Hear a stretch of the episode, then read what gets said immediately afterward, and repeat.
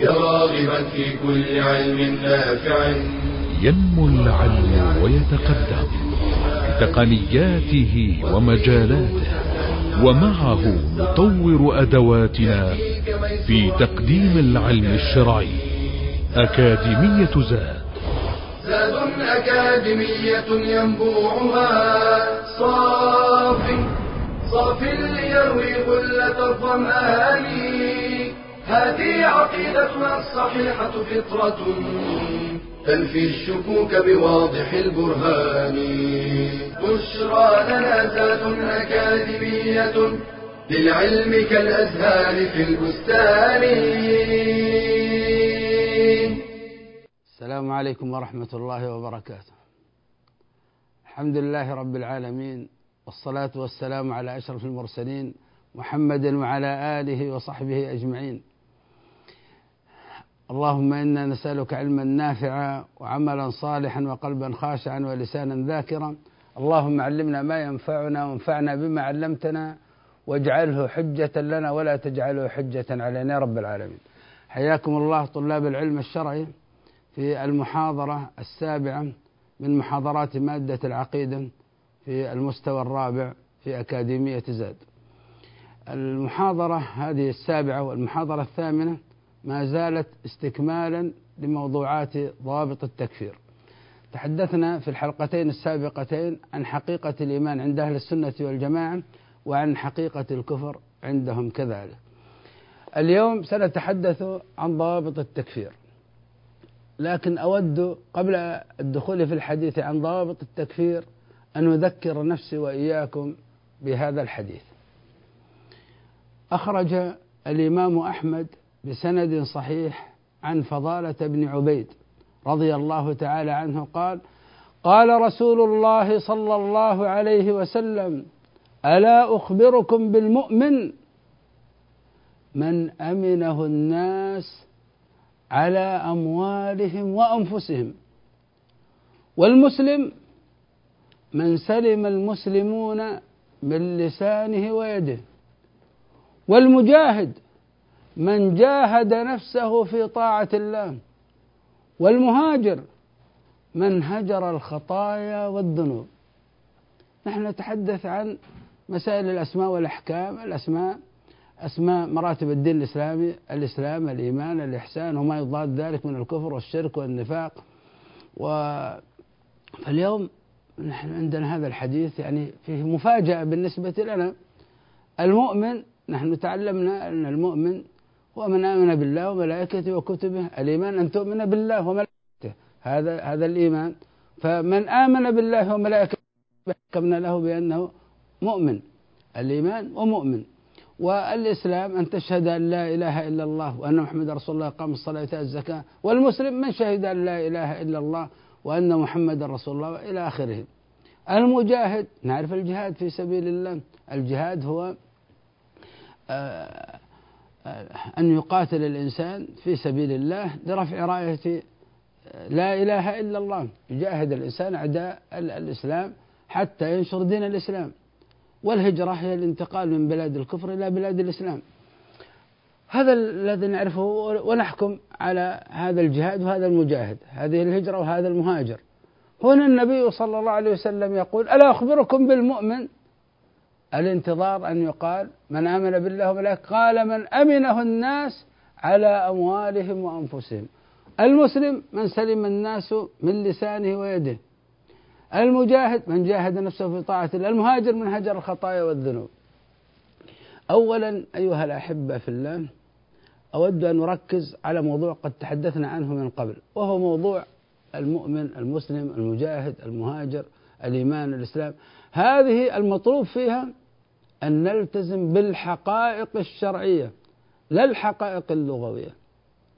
فالإيمان أن تؤمن بالله وملائكته الإيمان بضع وسبعون شعبة الإسلام وهكذا. نلتزم في هذه الأسماء الشرعية نلتزم بحقائقها الشرعية لا بحقائقها اللغوية. هذه قاعدة يجب أن تكون منضبطة عندنا. وفي هذا الحديث النبي صلى الله عليه وسلم لم يغير حقائقها الشرعية. الحقيقة الشرعية موجودة. لكن نبينا صلى الله عليه وسلم يبين لنا أن من دخلت في هذه الحقيقة الشرعية يعني آمن على وجه المطلوب منه شرعا. أسلم على الوجه المطلوب منه شرعا. جاهد على الوجه المطلوب منه شرعا. هاجر على الوجه المطلوب منه شرعا. ما حقيقة أو ما هي العلامة الدالة على كمال هذه الحقيقة الشرعية. في نفس ذلك الشخص العلامة الدالة هي كذا وكذا. فالنبي صلى الله عليه وسلم في هذا الحديث يبين لنا أن حقيقة المؤمن يعني من يعني اكتملت فيه الحقيقة الشرعية للإيمان أعطانا علامات تدل على ذلك. ما هي العلامات التي تدل على كمال الحقيقة الشرعية الواجبة للإيمان والإسلام والجهاد والهجرة في نفس ذلك الشخص الذي حكم له بأنه مؤمن بأنه مسلم بأنه مجاهد بأنه مهاجر. أعطانا النبي صلى الله عليه وسلم العلامات الدالة على توفر تلك الحقيقة في ذلك الشخص حتى يحكم عليه بهذا. لو لاحظنا يا إخوان أن تلك الحقائق وتلك العلامات كلها معتمدة على العمل على العمل قول القلب وعمل القلب موجود لكن الاعتماد ليس عليه لأن هذا أمر ظاهر. آسف أن هذا الأمر باطن. لكن النبي صلى الله عليه وسلم في هذا الحديث يركز على الأمور الظاهرة التي نحن نحكم بها على الناس نحن نحكم على الناس بظواهرهم لا ببواطنهم. فالذي يكون مؤمن ونحن ما الذي يدرينا أنه مؤمن؟ الذي يدرينا أنه مؤمن حقيقة وأن الحقيقة الشرعية الواجبة للإيمان مكتملة فيه أن أن يظهر عليه هذا العمل. ما الذي يدري أن هذا مسلم وأن الحقيقة الشرعية للإسلام مكتملة، الحقيقة الشرعية الواجبة للإسلام مكتملة فيه علامتها كذا وكذا وهكذا. فالنبي صلى الله عليه وسلم يبين لنا العلامات الدالة على على اكتمال الحقائق الشرعية للأسماء الإيمان الإسلام الجهاد الهجرة. في نفس ذلك الشخص حتى حكمنا له بأنه مؤمن مسلم مجاهد مهاجر. فبالنسبة للمؤمن قال النبي صلى الله عليه وسلم من أمنه الناس على أموالهم وأنفسهم. المسلم من سلم من لسانه ويده. تأملوا الآن الإيمان والإسلام علامة كمال الحقيقة الواجبة الشرعية لهذه الأمور أن تظهر على هذا الشخص بالنسبة للمجتمع. المؤمن بالله وباليوم الآخر وبالملائكة وبالقضاء والقدر إيمانه الحقيقي الدال العلامة الدالة على إيمانه الحقيقي بالله وباليوم الآخر أن يظهر إيمانه أمانا على المجتمع. أن يظهر إيمانه أمانا على جيرانه على أقاربه على من حوله لأنهم عرفوا أن هذا مؤمن بالله واليوم الآخر. فبما أنه مؤمن بالله واليوم الآخر نحن نأمنه على أموالنا وأنفسنا. إذا أمن الجيران على أموالهم وأنفسهم منك فاعلم أنك مؤمن حقيقة مؤمن بالله وباليوم الآخر. أما إذا كان جيرانك أقاربك المسلمون حولك. الناس من حولك لا يأمنون لا يأمنونك. لا يخافون منك أن تغدر بهم أن تكون بأموالهم وأنفسهم. على أنك لم تأتي المطلوب شرعا. والله لا يؤمن والله لا يؤمن والله لا يؤمن. قيل من يا رسول الله؟ قال من لا يأمن جاره بوائقه. فالذي جيرانه يخافون منه أن يفجر فيهم. أن ينتهك أعراضهم أن ينتهب أموالهم. آه لا يأمنونها على أموالهم أنفسهم ممكن يقول عنهم أنهم كفار أنهم كذا وهم من أهل الإيمان من أهل الإسلام. يعلم أن هذا حقيقة الإيمان الشرعي الحقيقة الشرعية الواجبة للإيمان لم تكتمل فيه ولذلك الناس يخافونهم يخافونه كذلك الذي لسانه قد أطلقه على الناس يكفر هذا يلعن هذا يسب هذا. هذا لا ليس بصحيح.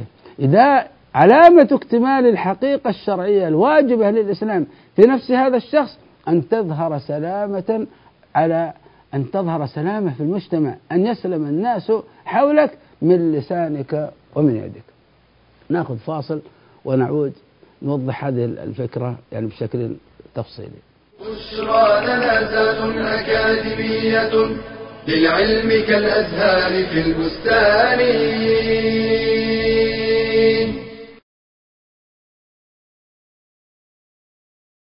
أمانة عظيمة ومسؤولية كبيرة إنها تربية الأهل والأولاد. قال تعالى يا أيها الذين آمنوا قوا أنفسكم وأهليكم نارا. قال علي بن أبي طالب أدبوهم وعلموهم.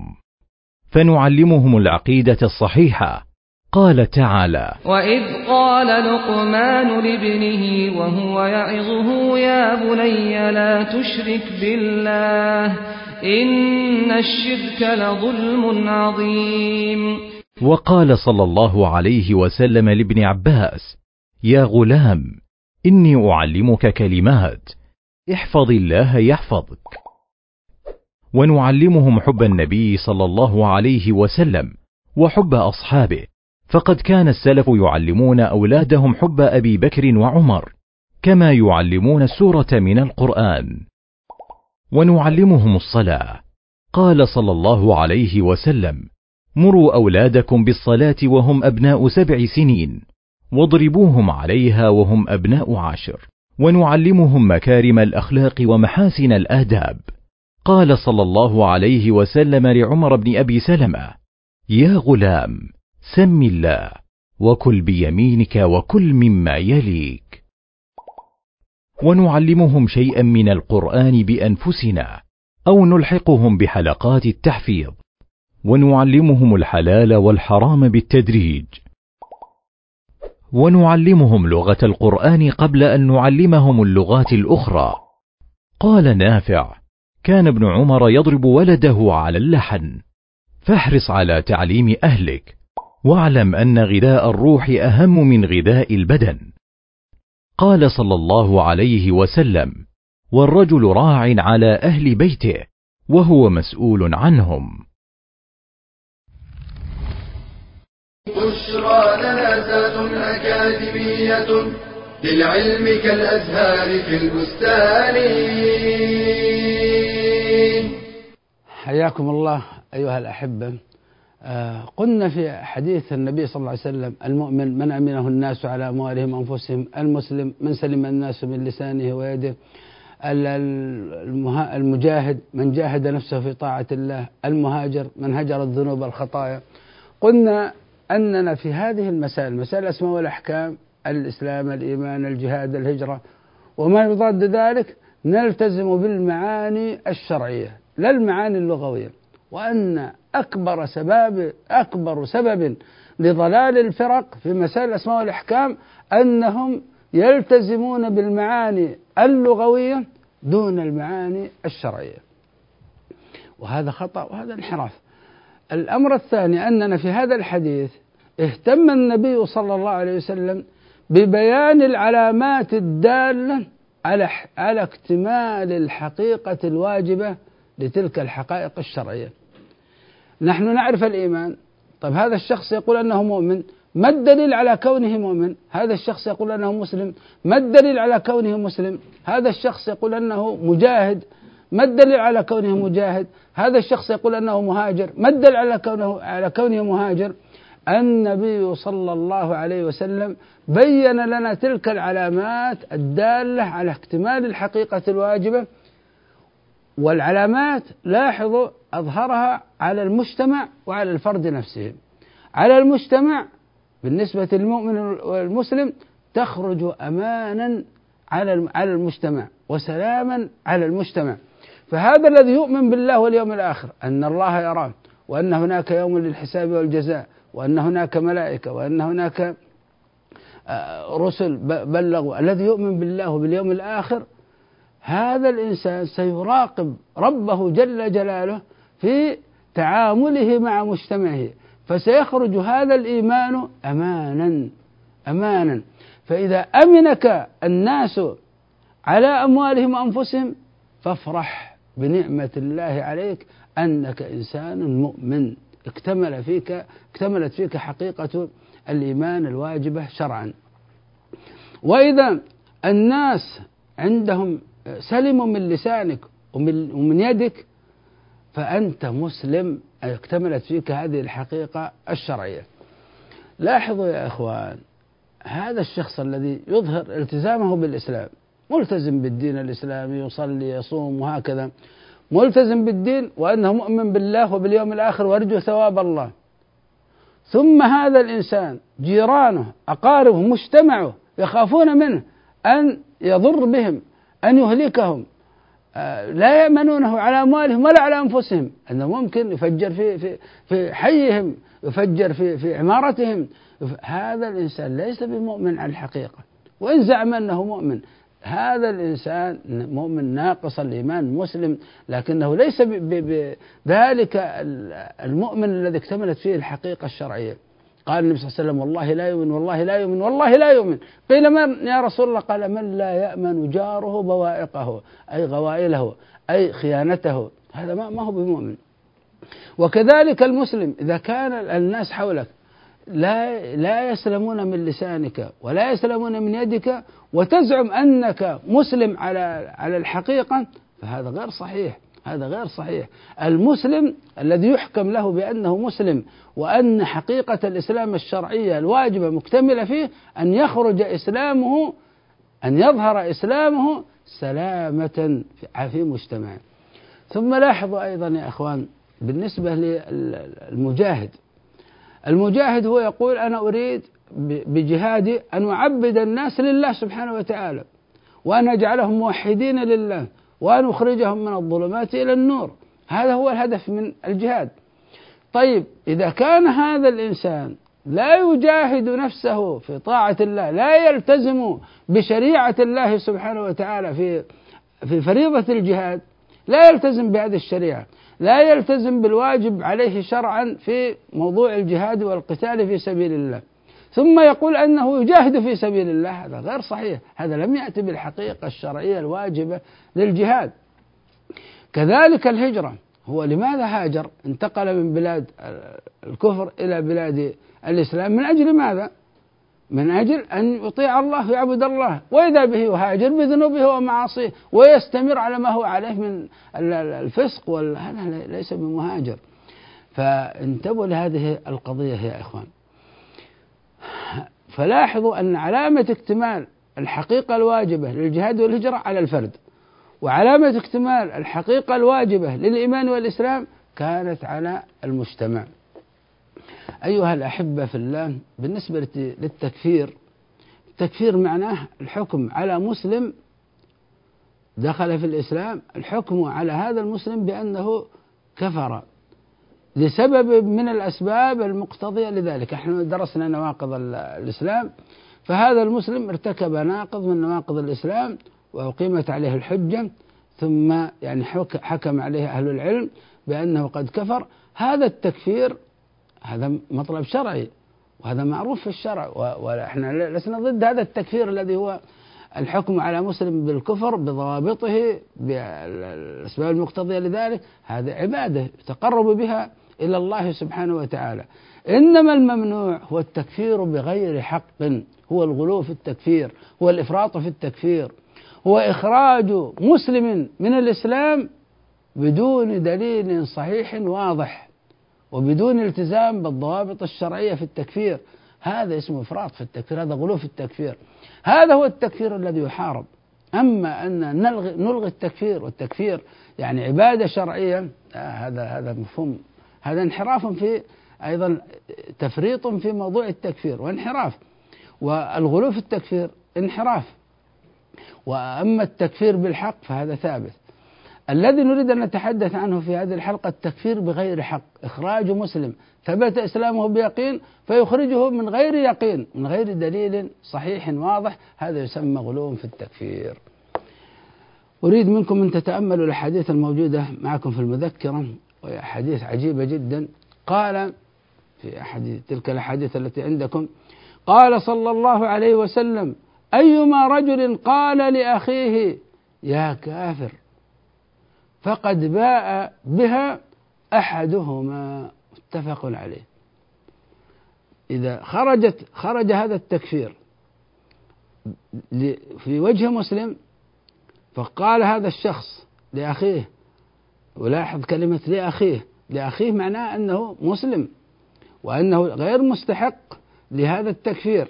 فخرجت هذه الكلمة يا كافر هذه لا بد أن تصيب أحد هذين الطرفين. فإما أن يكون ذلك استحق أتى بنواقض من نواقض الإيمان من نواقض الإسلام وثبت عليه ذلك وهو مصر على هذا الأمر فهذا مستحق لهذا التكفير. أما إذا لم يستحق فقد باء بها أحدهما يعني رجعت للآخر. في الحديث الآخر يقول صلى الله عليه وسلم لا يرمي رجل لا يرمي رجل رجلا بالفسوق ولا يرميه بالكفر إلا ارتدت عليه إن لم يكن صاحبه كذلك إلا ارتدت عليه إن لم يكن صاحبه كذلك خرجه البخاري. نأتي يا أخوان كلمة كافر. إذا أطلقها الإنسان المكفر هذا. قال للشخص للمسلم قال له كافر وهو مستحق لذلك وفق الضابط الشرعية وكان من أهل العلم وذلك مستحق فهو كذلك انتهى الموضوع. لكن إذا كان غير مستحق لذلك ما الذي يحدث؟ إذا كان هذا الشخص لا يستحق هذا التكفير ما الذي يحدث؟ ترتد كلمة التكفير عليه. فهنا عندنا عدة احتمالات إما أن يكون ذلك الذي يقول كافر كافر لإخوانه المسلمين يكون مستحل لتكفير المسلمين.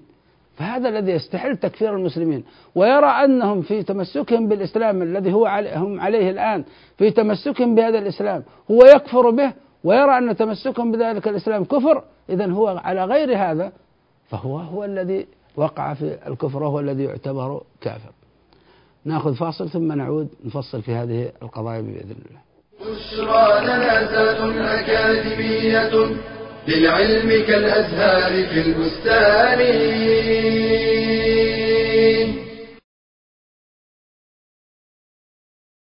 ما أوثق العلاقة بين العلم والعمل؟ العلم شجرة والعمل ثمرة.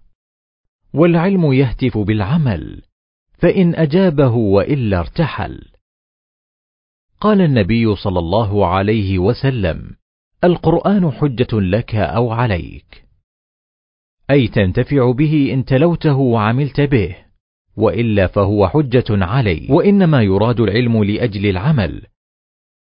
قال أبو الدرداء لا تكون بالعلم عالما حتى تكون به عاملا. وقد ذم الله تعالى من لا يعملون بالعلم فقال أتأمرون الناس بالبر وتنسون أنفسكم وأنتم تتلون الكتاب أفلا تعقلون وقال صلى الله عليه وسلم مثل العالم الذي يعلم الناس الخير وينسى نفسه كمثل السراج يضيء للناس ويحرق نفسه والعلم النافع يورث خشية الله. قال تعالى إنما يخشى الله من عباده العلماء. قال ابن مسعود ليس العلم بكثرة الرواية ولكن العلم الخشية والخشية تنير العقل. قال تعالى واتقوا الله ويعلمكم الله. أي أن تقوى الله وسيلة إلى حصول العلم. فمن صدق العلم بالعمل كان قدوة للمتعلمين. ومن خالف فعله قوله كان من الممقوتين. يا أيها الذين آمنوا لم تقولون ما لا تفعلون؟ كبر مقتا عند الله أن تقولوا ما لا تفعلون. بشرى لنا أكاديمية للعلم كالأزهار في البستان. حياكم الله أيها الأحبة مرة أخرى. قلنا إذا خرجت كلمة يا كافر خرجت على مستحق للتكفير مستحق للكفر وتوفرت الشروط انتفت الموانع فهو كذلك. لكن إذا كان غير مستحق. عندنا عدة حالات. الحالة الأولى أن الذي يطلق هذا التكفير على هؤلاء الأشخاص المتمسكين بالإسلام هو يراهم في تمسكهم بهذا الإسلام كفرة إذا هذا الإسلام الذي هم يتمسكون به هو ليس عليه. هو لا يرى أن تمسكهم بهذا الإسلام كفر. إذا هو على غير هذا الإسلام الذي هم متمسكون به. فلا بد إما أن يكون ذلك مستحق فصار أولئك كفرة أو يكونوا غير مستحقين. إذا أنت تكفرهم في تمسكهم بذلك الإسلام. فإذا كان تمسكهم بالإسلام ذلك والإسلام ذلك هو الحق وكانوا على الحق وكانوا على الإسلام الصحيح وكفرتم أنتم أنت على تمسكهم بذلك الإسلام فقد ارتد هذا التكفير عليك فيكون هذا الشخص هو فعلا هو كافر. كافر لكونه متمسك بغير ملة الإسلام التي تمسك بها أهل الإسلام. مثل بعض الفرق الطائفة الباطنية تكفر أهل السنة والجماعة تكفر أهل السنة والجماعة في تمسكهم بما هم بما هو بما هم عليه من إسلام. لماذا؟ لأنهم أصلا هم كفرة كفر بهذا الإسلام فيعود التكفير عليهم. آه، أمر ثاني أو معنى آخر عندما أنت تكفر مسلم لتمسكه بالإسلام وأنت متمسك بذلك الإسلام الذي هم متمسكون به وأنت تقول عنهم كفرة وهم غير مستحقين لذلك إذا أنت ترى نفسك أنك كافر لكونك أنت متمسك بالإسلام الذي هم متمسكون به. فهذا يعني يقول كأنه يقول يعني هو مثلك. فأنت عندما تكفره وتراه كافر فأنت تكفر نفسك كذلك. أمر يعني معنى أن هذا من أفعال الكفار. الكفار يكفرون المسلمين لكونهم خالفوهم في دينهم في معتقداتهم فيعتبرونهم كفار. فأنت عندما تفعل ذلك أنت تفعل فعل الكفار. معنى آخر أن هذا الأمر يؤول بصاحبه إلى الكفر والعياذ بالله الذي دائما يقول عن أهل الإسلام أنهم كفار كفار كفار. هذا سيؤول بصاحبه للوقوع في الكفر لأنه سيخالفهم سيخالفهم في الأخير في تمسكهم بهذا الإسلام. نأخذ حديث آخر يقول فيه النبي صلى الله عليه وسلم من لعن مؤمنا فهو كقتله ومن قذف مؤمنا بكفر فهو كقتله. متفق عليه. هنا يعني قذف قذف مؤمن يعني غير مستحق لأنه مؤمن. فقال عنه كافر وهو مؤمن ليس من الكفار. هذا القذف بس يقول عنه كافر يقول لإخوانه المسلمين يقول لإخوانه المؤمنين أنهم كفار وهم ليسوا كذلك. ما جريمتها ما بشاعة هذه الكلمة التي تخرج من لسان هذا الشخص بشاعتها وحكمها وجريمتها وشناعتها عند الله سبحانه وتعالى كشناعة القتل بغير حق. قال الله عز وجل ومن يقتل مؤمنا متعمدا جزاؤه واحد جهنم. خالدا فيها جهنم. خالدا فيها طويل المكث فيها. وغضب الله عليه ولعنه وأعد له عذابا عظيما. توعد الله عز وجل قاتل النفس المتعمد توعده الله بجهنم يطول فيها يمكث فيها مكثا طويلا خالدا فيها. والله عز وجل يغضب عليه. والله سبحانه وتعالى يلعنه. والله عز وجل قد أعد له عذابا عظيما. فهذا الذي يقول لأخيه المؤمن المسلم يقول عنه كافر عقوبة ذلك كعقوبة هذا. والسبب أن هذا الأمر سيؤدي إلى الاعتداء عليه. يعني هذه مقدمة مقدمة عندما يقول الإنسان عن مسلم عن أنه مرتد عن دين الله ويحكم عليه بالكفر هذه مقدمة لاستحلال دمه فيما بعد. ولذلك النبي صلى الله عليه وسلم يبين خطورة هذا الأمر ويجب أن يكف الإنسان ويقفل يغلق الإنسان هذا الباب لأنه سيؤدي إلى القتل. سيؤدي إلى استحلال الدماء وهذه مصيبة. فعقوبة هذه الكلمة مقدما أنها مثل عقوبة القتل. وهذا يدل على أن هذا الباب باب خطير. التكفير بغير حق باب خطير. وفيه مخاطر في تكفير المعين. مسلم مؤمن يقول عنه الإنسان أنه كافر هذا فيه مخاطر. معناها أن هذا الشخص دمه حلال. بعد عصمته. قال صلى الله عليه وسلم أمرت أن أقاتل الناس حتى يقولوا لا إله إلا الله. فمن قال لا إله إلا الله عصم مني دمه وماله إلا بحقه وحسابه على الله عز وجل. إذا هذا الإنسان كان ارتد هو حكم عليه بالارتداد. إذا صار دمه غير معصوم. أيضا يتعلق بذلك أن ذبيحته غير حلال أنه مرتد. فلو ذبح ذبيحته لا تحل. انظر آثار هذا التكفير على الأسرة ولايته على أولاده وأهله تنتفي زوجته تحرم عليه التوارث بينه وبين مورثيه ينقطع. مصيبة هذه. بعد مماته يحرم من الصلاة عليه إذا مات لا يدفن في مقابر المسلمين لا يدعى له بالمغفرة والرحمة. إذا فيها مخاطر عجيبة مخاطر تكفير المعين بغير حق على على المعين على أسرته عليه بعد مماته. فينبغي أن ينتبه لهذا الأمر لكونه شنيع وخطير عند الله سبحانه وتعالى. نبدأ أيها الأحبة نذكر بعض ضوابط التكفير. الضابط الأول أن التكفير حكم شرعي وحق خالص لله سبحانه وتعالى لا مدخل فيه للآراء ولا للأهواء ولا الأذواق ولا المواجيد ولا الهواتف إنما مرده إلى الله وإلى رسوله إلى كتاب الله وإلى سنة رسوله صلى الله عليه وسلم. قال شيخ الإسلام ابن تيمية كما عندكم في المذكرة ترى. قال فإن الكفر والفسق وأحكام شرعية ليس ذلك من الأحكام التي يستقل بها العقل. فالكافر من جعله الله ورسوله كافرا والفاسق من جعله الله ورسوله فاسقا. كما أن المؤمن والمسلم من جعله الله ورسوله مؤمنا ومسلما. هذا دائما نكرره نقول نلتزم في هذا الباب بالمعاني الشرعية. نلتزم في هذا الباب بما ثبت في الكتاب والسنة. هذا الأمر ليس خاضعا للآراء والعقول والعادات إنما هذا نلتزم فيه بالنصوص الشرعية. الضابط الثاني أن الأصل في من قال لا إله إلا الله فيقول عالم معناها ملتزم العمل بمقتضاها.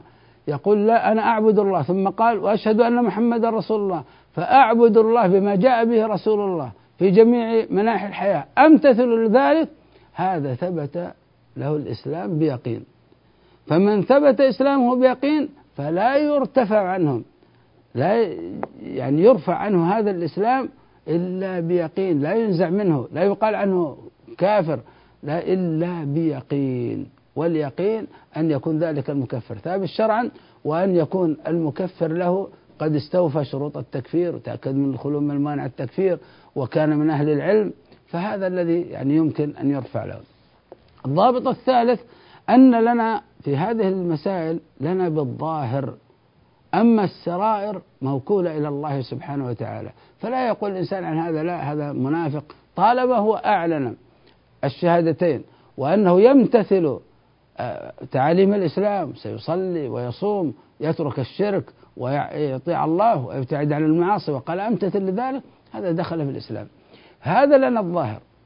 ففي الحديث المتفق عليه قال أسامة بن زيد رضي الله عنه بعثنا رسول الله صلى الله عليه وسلم إلى الحرقات من جهينة فصبحنا القوم فهزمناهم. يقول ولحقت أنا ورجل من أنا ورجل من الأنصار رجلا منهم. فلما غشيناه قال لا إله إلا الله. ظن بن زيد أنه قالها تعوذا من السيف. فكف الأنصاري عنه فطعنته برمحي حتى قتلته. فلما قدمنا بلغ النبي صلى الله عليه وسلم يعني ذلك الأمر. فقال يا أسامة أقتلته بعدما قال لا إله إلا الله؟ قلت كان متعوذا. فما زال النبي صلى الله عليه وسلم يكررها. أقتلته بعدما قال لا إله إلا الله؟ أقتلته بعدما قال لا إله إلا الله؟ يقول حتى تمنيت أني لم أكن أسلمت قبل ذلك اليوم. يعني يريد بالإسلام يجب ما قبلهم. فرأى أنه بفعل ذلك قد ارتكب أمر عظيم وخاف منه. الأمر الرابع الواجب علينا في هذا الباب التثبت. قبل إصدار الحكم على أحد بالكفر يعني ما يصلح قال الناس كذلك قال الناس أنه كفر قال قال الله عز وجل يا أيها الذين آمنوا إن جاءكم فاسق بنبأ فتبينوا أن تصيبوا قوما بجهالة فتصبحوا على ما فعلتم نادمين. الأمر الخامس وهذا دائما نكرره لا ينبغي أن يصدر الحكم بالكفر إلا من عالم بشروط التكفير عالم بانتفاء موانع التكفير. أسأل الله سبحانه وتعالى أن يجنبنا الإفراط والتفريط في موضوع التكفير وأن يجعلنا من أهل السنة والجماعة من أهل الاعتدال في هذا الباب وفي غيره من الأبواب. وبمشيئة الله نستكمل في الحلقة القادمة الكلام عن شروط التكفير وموانع التكفير بمشيئة الله. وصلى الله وسلم وبارك على عبده ورسوله محمد وجزاكم الله خيرا. يا راغبا في كل علم نافع. متطلعا لزيادة الإيمان وتريد سهلا النوال ميسرا يأتيك ميسورا بأي مكان. زاد زاد أكاديمية ينبوعها.